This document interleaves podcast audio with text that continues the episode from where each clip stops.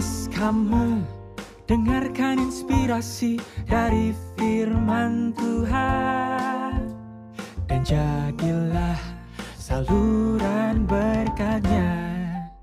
Sebuah persembahan dari warung sate kamu untukmu Halo Sobat Muda, gimana nih kabarnya? Nah, di mana pun kalian berada, semoga kalian ada dalam keadaan yang sehat dan sukacita ya. Nggak kerasa sekarang kita udah masuk di bulan Februari. Bulan yang kalau kalian main ke minimarket tuh udah banyak coklat-coklat ya dipajang di kasir. Nah, biasanya di bulan Februari ini kita banyak bahas um, topik-topik soal relasi. Dan biasanya topik yang dibahas tuh lebih ke pacaran ya. Tapi hari ini di podcast kamu episode ke-14 ada something yang spesial yang mau kita bahas bareng-bareng. Dan aku, Ari, nggak sendirian di sini karena aku ditemani oleh dua narasumber yang kece banget, yang juga profesional, yang pengalamannya banyak banget, yang mau membagikan ke kita semua topik yang um, cukup dalam ya, tapi dengan bahasan yang seru nih. Topiknya adalah punya pasangan, itu kebutuhan atau keinginan. Nah, tapi sebelum kita masuk podcastnya, kita kenalan dulu ya. Halo. Halo. Ciwidia apa jadi? Nah, boleh kenalan dulu ya dari Ciwidia Oke. deh. Boleh sebutin nama, Mm-mm. terus pekerjaan saat ini, sama status keluarga boleh ya? Udah menikah, anaknya gimana gitu? Oke, Boleh. oke. Ya, nama saya Widya. Em, di sini sebagai konselor full timer dan eh, melayani biasanya konseling eh, individu dewasa dan couple dan juga family biasanya. Eh, saya married dan sudah punya dua anak. Oke, Mm-mm. ya. Oke, kalau saya Jerry, uh, saya juga konselor full time. Um, biasa menangani kasus remaja, uh, dewasa muda, uh, beberapa juga couple. Uh, statusnya saat ini sudah menikah, belum punya anak. Oke, thank you banget. Nah, teman-teman dua-duanya konselor ya. Tapi tadi dua-duanya belum sebut konselor di mana nih. Nah, boleh sebutin dulu dong. Iya, iya. Kami di eh, Life Spring Counseling and Care Center yang berada di apartemen Mediterania ya, Mediterania 1. Oke, di Jakarta Barat ya. Jakarta Barat. Betul. Nah, teman-teman mungkin kalau yang ada butuh info konseling nanti boleh tahu cari tahu lebih lanjut ya tentang Life Spring Counseling. Nah, teman-teman, kita mau bahas ya tentang tadi pertanyaannya. Punya pasangan, kebutuhan atau keinginan. Nah, sebelum kita masuk ke bahasan ini mungkin teman-teman bisa coba jawab dalam hati ya. Menurut teman-teman, teman-teman yang punya pasangan itu kebutuhan atau memang keinginan gitu ya. Dan biasanya kalau kita coba explore topik ini, pertanyaan ini banyak muncul di Gen Z ya. Ngapain sih kita punya pasangan? Ngapain sih menikah dan punya anak? Toh bumi udah penuh ya, Hmm. udah 8 miliar ya kan. Iya. Ngapain ditambah-tambah lagi gitu ya. Hmm. Tapi kita mau cari jawaban yang benar, yaitu dari Alkitab ya. Nah, dari firman Tuhan seperti apa. Oke. Nah, kalau kita ngomongin soal relasi ya, Ci dan Ko, itu kan Hmm. topik yang sering banget nih kita temuin ya di mana-mana ya. Di Iya. IG, di TikTok, di mana Hmm. semua orang banyak tuh ya ngomongin Hmm. soal relasi. Tapi sebenarnya kalau kita gali lebih jauh ya, sebenarnya apa sih yang mendorong manusia itu untuk berelasi? Mungkin dari Ciwidya dulu. Oke, ya, eh, yang seperti kita tahu, ketahui ya, kita kan memang ciptaan imago Dei, Hmm. ya, seturut dengan rupa dan gambar Allah. So Allah juga adalah Allah yang berelasi toh, Mm-mm. karena Dia selalu menyapa kita, Dia ingin kita juga berelasi dengan Allah dan kita juga sebagai makhluk sosial yang diciptakan itu nggak akan bisa nih mengandalkan kekuatan kita sendiri atau ya kita tetap memerlukan lah pertolongan atau bantuan orang lain. Contoh aja deh dari bayi, seorang bayi kan nggak pernah ya bisa hidup sendiri. Mm-mm. Dia memerlukan pertolongan orang tuanya atau care- caregivernya Hmm. untuk memenuhi kebutuhannya. Mungkin seperti itu ya kalau yang saya lihat. Jadi Oke. memang butuh sih berelasi. kebutuhan ya. Jadi Hmm. memang Allah menciptakan kita untuk berelasi. Itu. Kalau dari sudut pandang Ko Jerry gimana nih Ko? Nah, sebenarnya kurang lebih sama juga ya, bahwa uh, memang ya kita diciptakan seperti itu gitu ya, makhluk sosial gitu ya, yang kita Mhm. bisa, kita butuh untuk interaksi dan kita dimampukan untuk berinteraksi gitu. Jadi um, ya untuk uh, kita sendiri tuh nggak mungkin buat hidup sendiri gitu. Jadi pasti kita bisa uh, untuk berelasi, terus kemudian ya tuh uh, dengan Tuhan pun kita juga memang punya kebutuhan itu untuk berelasi itu gitu. Ini ada kata kunci yang menarik ya, butuh dan dimampukan. Nah, ini agak eh, kalau kita coba gali ya kan, berarti make sense gak sih kalau ada orang yang bilang bahwa gue nggak butuh relasi, gue ansos, itu gimana tuh? Pada dasarnya eh, seperti yang waktu itu ya podcast yang lalu tentang Mhm, alone and mhm. lonely, sebetulnya memang beberapa orang mungkin merasa bahwa eh, lebih enak untuk sendiri aja karena mungkin kalau sendiri aja jadinya terjauhi atau terbebas dari konflik atau Hmm, mungkin hmm. rasa painful. Jadi ya udahlah nggak usah sendiri aja. Tapi pada dasarnya tetap tidak bisa sih. Gimana Oh, Jer oke. kalau menurut kamu? Iya. Iya, jadi kalau um, kita lihat dari sisi psikologi gitu ya, ada Hmm. yang namanya uh, teori kebutuhan dari Maslow. Nah, kebutuhan untuk uh, dicintai dan belong ke sesuatu gitu ya, yaitu termasuk kebutuhan yang uh, primer gitu ya, tingkatnya tuh tiga, uh, peringkat ketiga. Nah, itu juga memang termasuk kebutuhan dasar yang harus terpenuhi gitu. Meskipun memang uh, karena sifatnya kebutuhan gitu ya, tapi juga nggak selalu harus dipenuhi dengan pasangan, tapi ya bisa juga dengan relasi yang lain seperti keluarga, um, teman, ya. gitu ya. Mm. Jadi memang um, berelasi itu nggak mungkin enggak gitu ya, Ya. karena memang kebutuhan dasar. Mm-mm. Betul. Ini poin menarik ya bahwa menarik tapi penting berelasi adalah satu kebutuhan dasar. Jadi nggak mungkin ya kita nggak berelasi seansos-ansosnya orang Iya, itu gitu ya. maksudnya. Itu. Oke. Nah kalau tadi kan em, ngomongin soal relasinya ya. Nah berarti kita langsung bisa geser nih ya ke pertanyaan yang lebih dalam teman-teman ya. Kalau kita ngomongin soal pacaran tuh sangat biasa ya. Nah kita mau mundur ya, mundur bukan backwards gimana, tapi kita mau gali lebih dalam. Apa sih yang mendasari seseorang dalam entah itu berpacaran ataupun nanti menikah ya. Nah kenapakah ini sorry ya, apakah setiap manusia itu perlu atau wajib berpasangan dalam hal ini menikah? Perlu nggak nih? Nah ini karena Ci Widya dan Ko Jerry udah menikah, boleh ya diga- jawabannya dikombinasikan dengan pengalaman. Aku mau mulai dari Ko Jerry, gimana nih Ko? Oke. Em, kalau kita lihat memang em, ini jawabannya eh, nggak bisa sama buat setiap orang gitu ya. Tapi memang lebih ke panggilannya seperti apa. Jadi eh, secara Alkitab gitu ya kita memang di kejadian di penciptaan eh, Tuhan tuh bilang bahwa yang nggak baik gitu ya bahwa Adam tuh seorang diri maka diciptakanlah eh, Hawa kemudian juga disuruhlah untuk bahwa laki-laki itu akan meninggalkan eh, orang tuanya dan menjadi satu dengan eh, istrinya membentuk suatu keluarga yang baru. Nah, eh, tapi juga em, di dalam perjanjian baru di dalam Korintus gitu ya kita tahu bahwa Paulus juga memilih untuk hidup tanpa pasangan supaya nggak ada distraksi untuk bisa melayani Tuhan. Jadi em, memang kalau dibilang wajib ya wajib nggak wajib gitu ya Eh, soal berelasi eh, soal menikah gitu ya. Eh, balik lagi ke panggilannya dan kalau dari eh, aku pribadi gitu ya memang eh, ngerasa menikah itu sebagai suatu kebutuhan gitu ya untuk bisa eh, berelasi gitu ya untuk bisa eh, apa namanya ya melayani Tuhan dengan pasangan.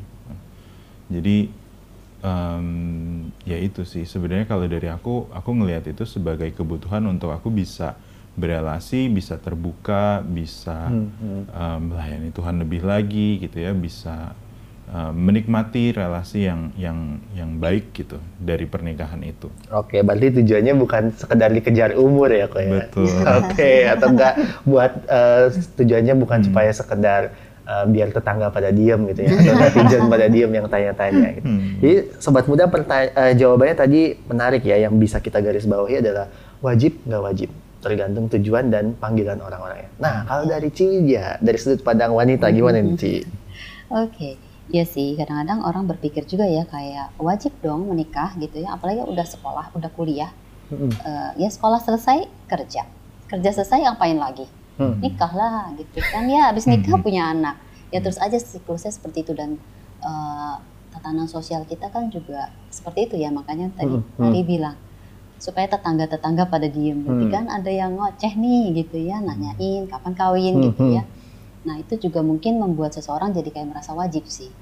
Oke. Satu hal juga yang mungkin kayak di kejadian 128 ya, kan banyak orang ber- eh, beranggapan itu kan perintah Tuhan tuh, Hmm. anak cucu dan penuhi bumi. Ya. Dan kalau kamu nggak penuhi bumi nggak melakukan itu, berarti kamu tidak memenuhi kehendak Allah. Hmm. Hmm. Nah itu kan jadi membuat orang jadi bingung ya wajib dong, wajib dong jadinya Hmm. atau nggak wajib. Tapi dalam Paulus juga ya kita lihat Paulus sendiri mengajak barang siapa yang bisa ya seperti dia lifestyle-nya yaitu uh, hidup sendiri, hidup selibat, tidak tidak uh, kawin karena menurutnya kalau kita bisa melakukan itu dan melakukan mm, melayani Tuhan tanpa harus uh, diganggu oleh atau diganggu fokusnya oleh uh, banyak-banyak hal dan kenapa enggak? Jadi uh, menurut saya sebenarnya ya tadi wajib dan enggak wajib tergantung pilihan kita. Ya yang pilihan kita tentu kita selaraskanlah dengan kehendak Tuhan. Oke, berarti ini Sobat Buddha jawabannya adalah eh, wajib nggak wajib. Tapi tentu kalau jawabannya kita berhenti di sini, berarti podcastnya selesai ya, nggak ya? Nah kita bakal gali lebih jauh. Nah kalau dalam konteks Indonesia nih ya, kita eh, warga anak muda gitu ya di Indonesia, itu kira-kira apa sih ya faktor yang mendorong seseorang itu? Ini kita bahas dari sisi yang pengen merit, ya. Apa sih yang kira-kira mendorong seseorang itu pengen seperti diburu-buru menikah? faktor yang mendorong seseorang untuk buru-buru menikah Mm-mm. Oke. Ya, mungkin itu tadi ya kayak hmm, goal-goal ya, goal-goal di dalam eh, hidup dia gitu. Jadi kalau umur segini ya harus menikah, umur, umur segini ya punya anak. Juga mungkin melihat hmm, teman-teman kalau udah menikah, masa sih kita belum nikah. Nah, itu kan juga menjadi semacam kayak dorongan ya, Mm-mm. dorongan untuk adanya eh, perlu menikah. Mungkin seperti itu kalau dari saya.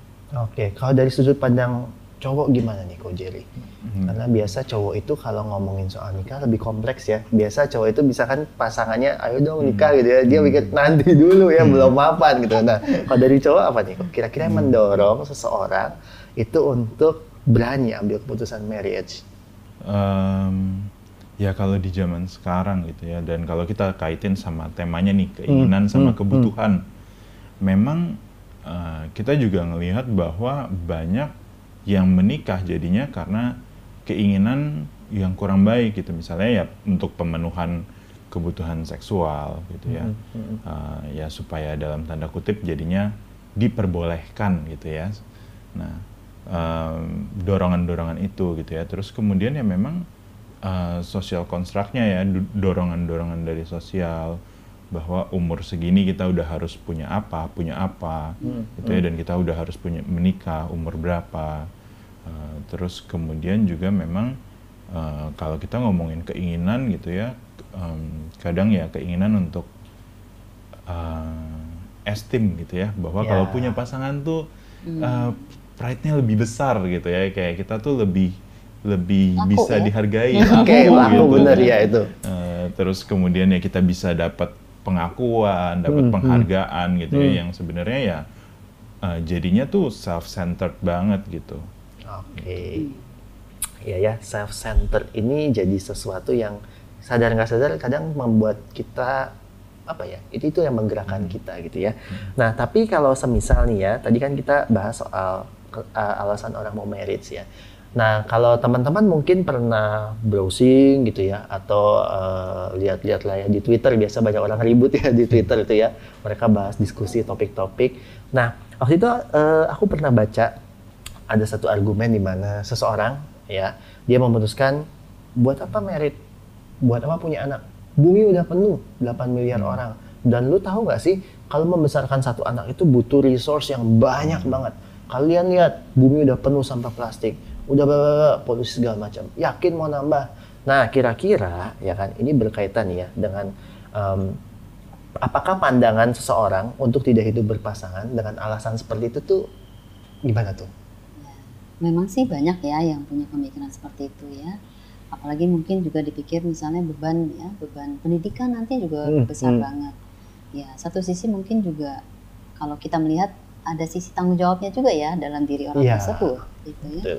Mereka eh, sangat-sangat berpikiran tentang bumi, tentang kehidupan anaknya mungkin di masa mendatang jadi nggak mau mungkin ya hal-hal yang terjadi eh, tidak enak itu terjadi pada anaknya misalnya Hmm, hmm, tanggung jawab sih sebetulnya hmm. tapi mungkin itu perlu untuk dikaji lagi lebih lanjut dengan self awareness sebetulnya apa sih di akar di bawah itu yang membuat benar-benar tidak mau berpasangan Ya ya. Kalau dari mungkin kalau Jerry pernah mengalami uh, bertemu atau melihat ya postingan-postingan seperti itu mungkin. Hmm, ya memang em, menarik ya. Rasanya tuh ada tanggung jawab gitu ya.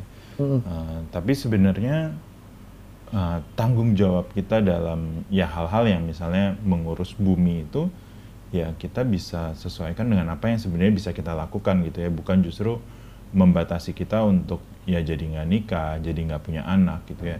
Eh, karena dengan kondisi yang seperti sekarang pun ya sebenarnya apa sih yang bisa kita lakukan gitu yang kita bisa berikan Hmm, hmm. buat buat beneran actually ada perubahan gitu di bumi gitu.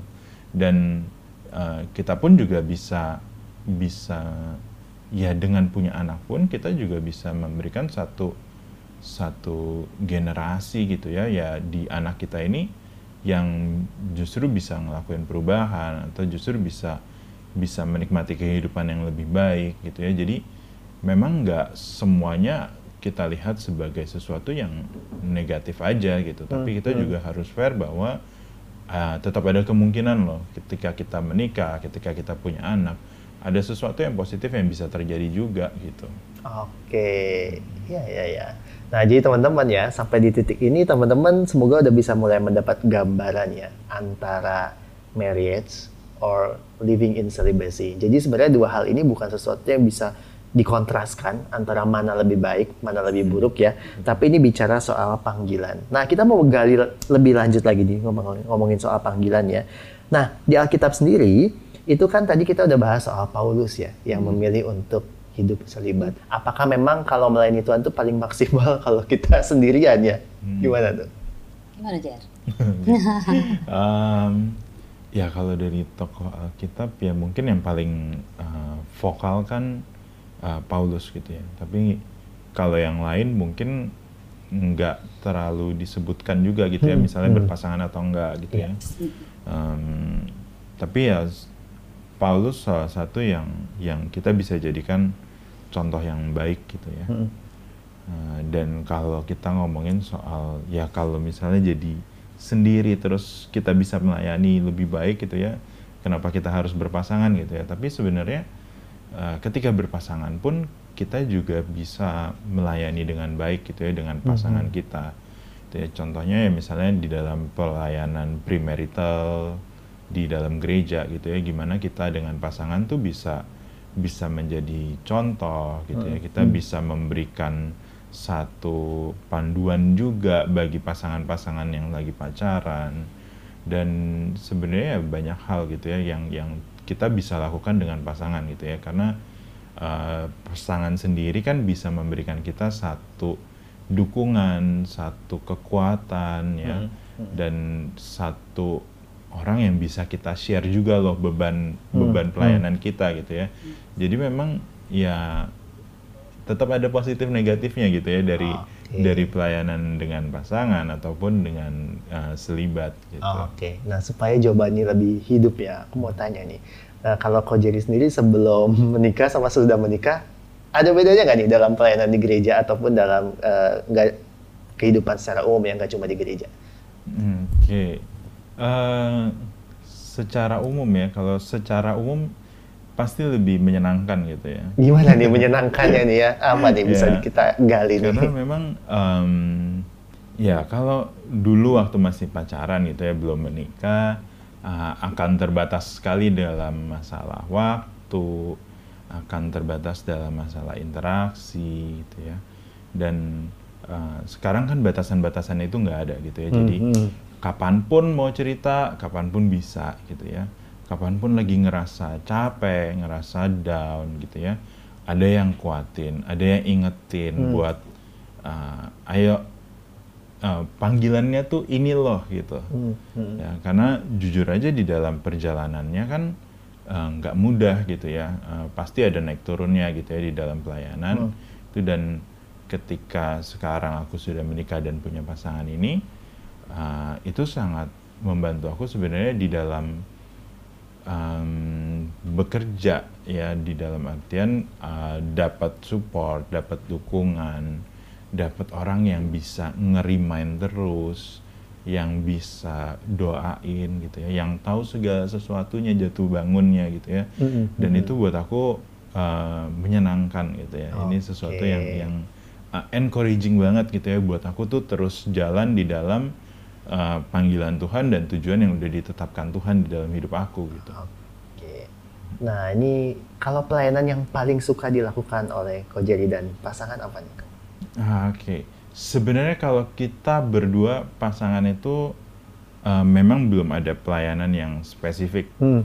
tapi memang kita berdua uh, punya satu kerinduan gitu ya, satu vision yang sama di dalam uh, masa tua mungkin ya kita punya satu vision di mana kita pengen uh, bentuk satu panti gitu ya buat uh, kita tuh bisa bisa ngelayanin bersama gitu ya.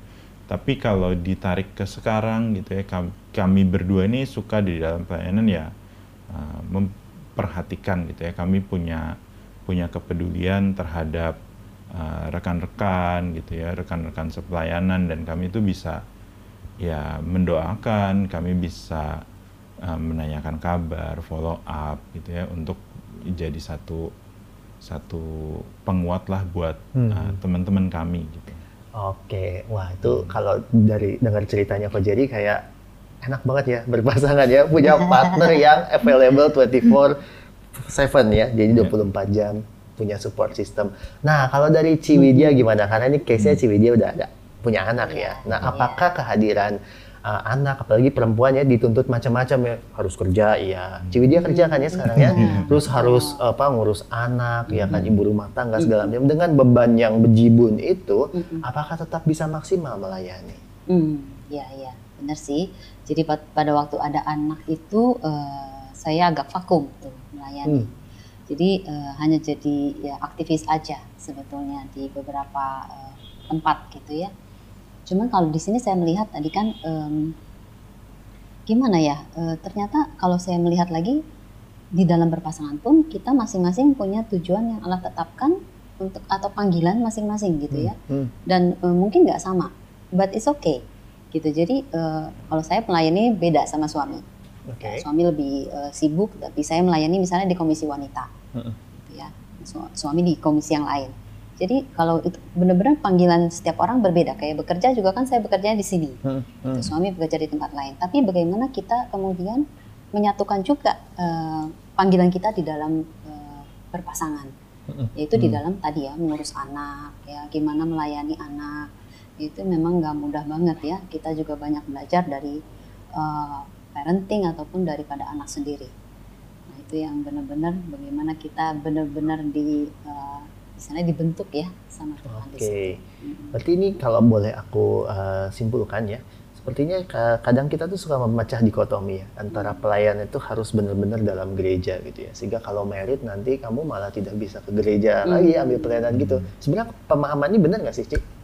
Uh, enggak sih harusnya, karena di dalam pekerjaan pun kita sebenarnya melayani.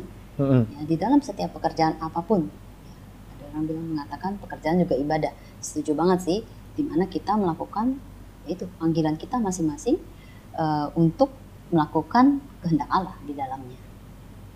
Jadi kalau dikotomi, ya jangan jangan dikotomi, hmm. karena itu jadinya kan memisah-misahkan. Jadi kalau hari, jadi kalau kerja ya kerja, jadi hmm. kalau pelayanan pelayanan. Jadi kalau kerja kita nggak mikirin dong bahwa kita tuh ya berada di dalam satu jalur yang sebenarnya ya kita perlu bertanggung jawab tuh. Oke, okay. so jadi uh, dalam menikah pun ketika nanti berkeluarga, keluarga kita adalah ladang pelayanan juga ya. Oke, okay, berarti kalau kita punya konsep ini mungkin ya ada apa rumor-rumor yang bilang bahwa ah dia mah sibuknya pelayanan keluarga ditinggal. Hmm. Nah mungkin yang konsep apa kasus kayak gini nggak akan ada ya? Iya, iya betul, betul. Gimana kita keluar ya gimana kita ke dalam ya. Oke. Okay. Ya, itu yang harus uh, konsisten. Hmm, hmm. Nah berarti ini uh, tadi kan kita bicara soal challenge ya dalam pelayanan terkhusus ketika orang sudah married ya. Nah, dalam beberapa case ya ada orang-orang yang ketika melihat eh, dia mah keluarganya aja kayak gitu gitu ya. Enggak nggak mau nikah gitu ya. Nggak mau nikah. Nah apakah eh, pilihan seseorang untuk hidup sendiri gara-gara dia trauma atau mungkin hilang kepercayaan itu sesuatu yang bisa jadi alasan kuat untuk seseorang akhirnya hidup selibat Ya, awalnya mungkin mereka berpikir bahwa itu cara terbaik atau jalan terbaik kalau memang ada trauma ya. Hmm, Kalau hmm. ada trauma itu berarti mereka tuh memang eh, ada sesuatu yang wounded ya, ada sesuatu yang luka di dalam hatinya yang kemudian membuat dia mistrust misalnya, Hmm, hmm. atau ada pengalaman-pengalaman buruk yang membuat dia jadinya nggak mau nih painful lagi, jangan dong. trust Kita issue kan, ya hmm, jadinya Kita membentengi diri kita untuk tidak merasa sakit lagi. Nah itu kan mungkin jadi alasan dengan ya udah selibat aja. Nah, tapi pada akhirnya biasanya klien-klien yang kita temui pasti akan merasakan yang tadi kemarin kita bahas di uh, podcast juga ya. ya Betul. Jadi ternyata ya uh, keputusan yang diambil pada saat itu membuat mereka kayak ya sedikit kenapa ya kemarin enggak ya. Hmm. Jadi seperti itu mungkin. Jadinya ya mungkin perlu ya eh, misalnya membicarakan hal itu misalnya di ruang konseling gitu ya Oke. ke Live Spring yuk kita bahas akarnya Mhm. kenapa ya kalau memang karena trauma yuk kita beresin Ah, traumanya Oke, berarti ini poin yang penting ya teman-teman ya, diberesin dulu ya. Hmm. Jadi sebelum kita ambil satu decision, keputusannya, itu berarti kita diskusikan dulu. Sebenarnya nggak ada yang salah ya dalam keputusannya. Yang penting kitanya mantep atau enggak gitu ya. Yes. Nah kalau dari eh, ini kan ngomongin trust issue ya, ini topik yang menarik ya. Kalau dari sudut pandang cowok nih, Ko Jerry, pernah ada trust issue nggak nih kok? Jarang issue sama sih. saya. sama pasangan mungkin ya atau sama dulu mungkin pas uh, zaman-zaman pacaran gitu ya lalu sempat merasa pernah disakiti atau apa gitu Hmm? Jarang ya sebenarnya ya. Kayaknya sih sebenarnya nggak nggak terlalu ada trust Hmm, hmm. issue kalau dari uh, aku gitu ya. Hmm. Um, tapi memang di dalam uh, berelasi gitu ya, aku memastikan bahwa aku pun bisa memberikan yang terbaik gitu. Hmm, hmm, Jadi hmm. bukan sekedar uh, dari tindakannya, tapi juga dari dari komitmennya, dari pikirannya, dan itu yang bikin aku merasa uh, aman gitu ya di dalam di dalam hubungan itu gitu ya. Jadi aku nggak ngerasa bahwa uh, aku udah memberikan yang terbaik gitu ya, dan aku rasa itu cukup gitu ya. Jadi nggak Podcast Enggak. kamu nggak mungkin lah Dengarkan pasangan inspirasi dari firman Tuhan Uh, Dan jadilah saluran berkatnya. Sebuah persembahan dari warung sate kamu untukmu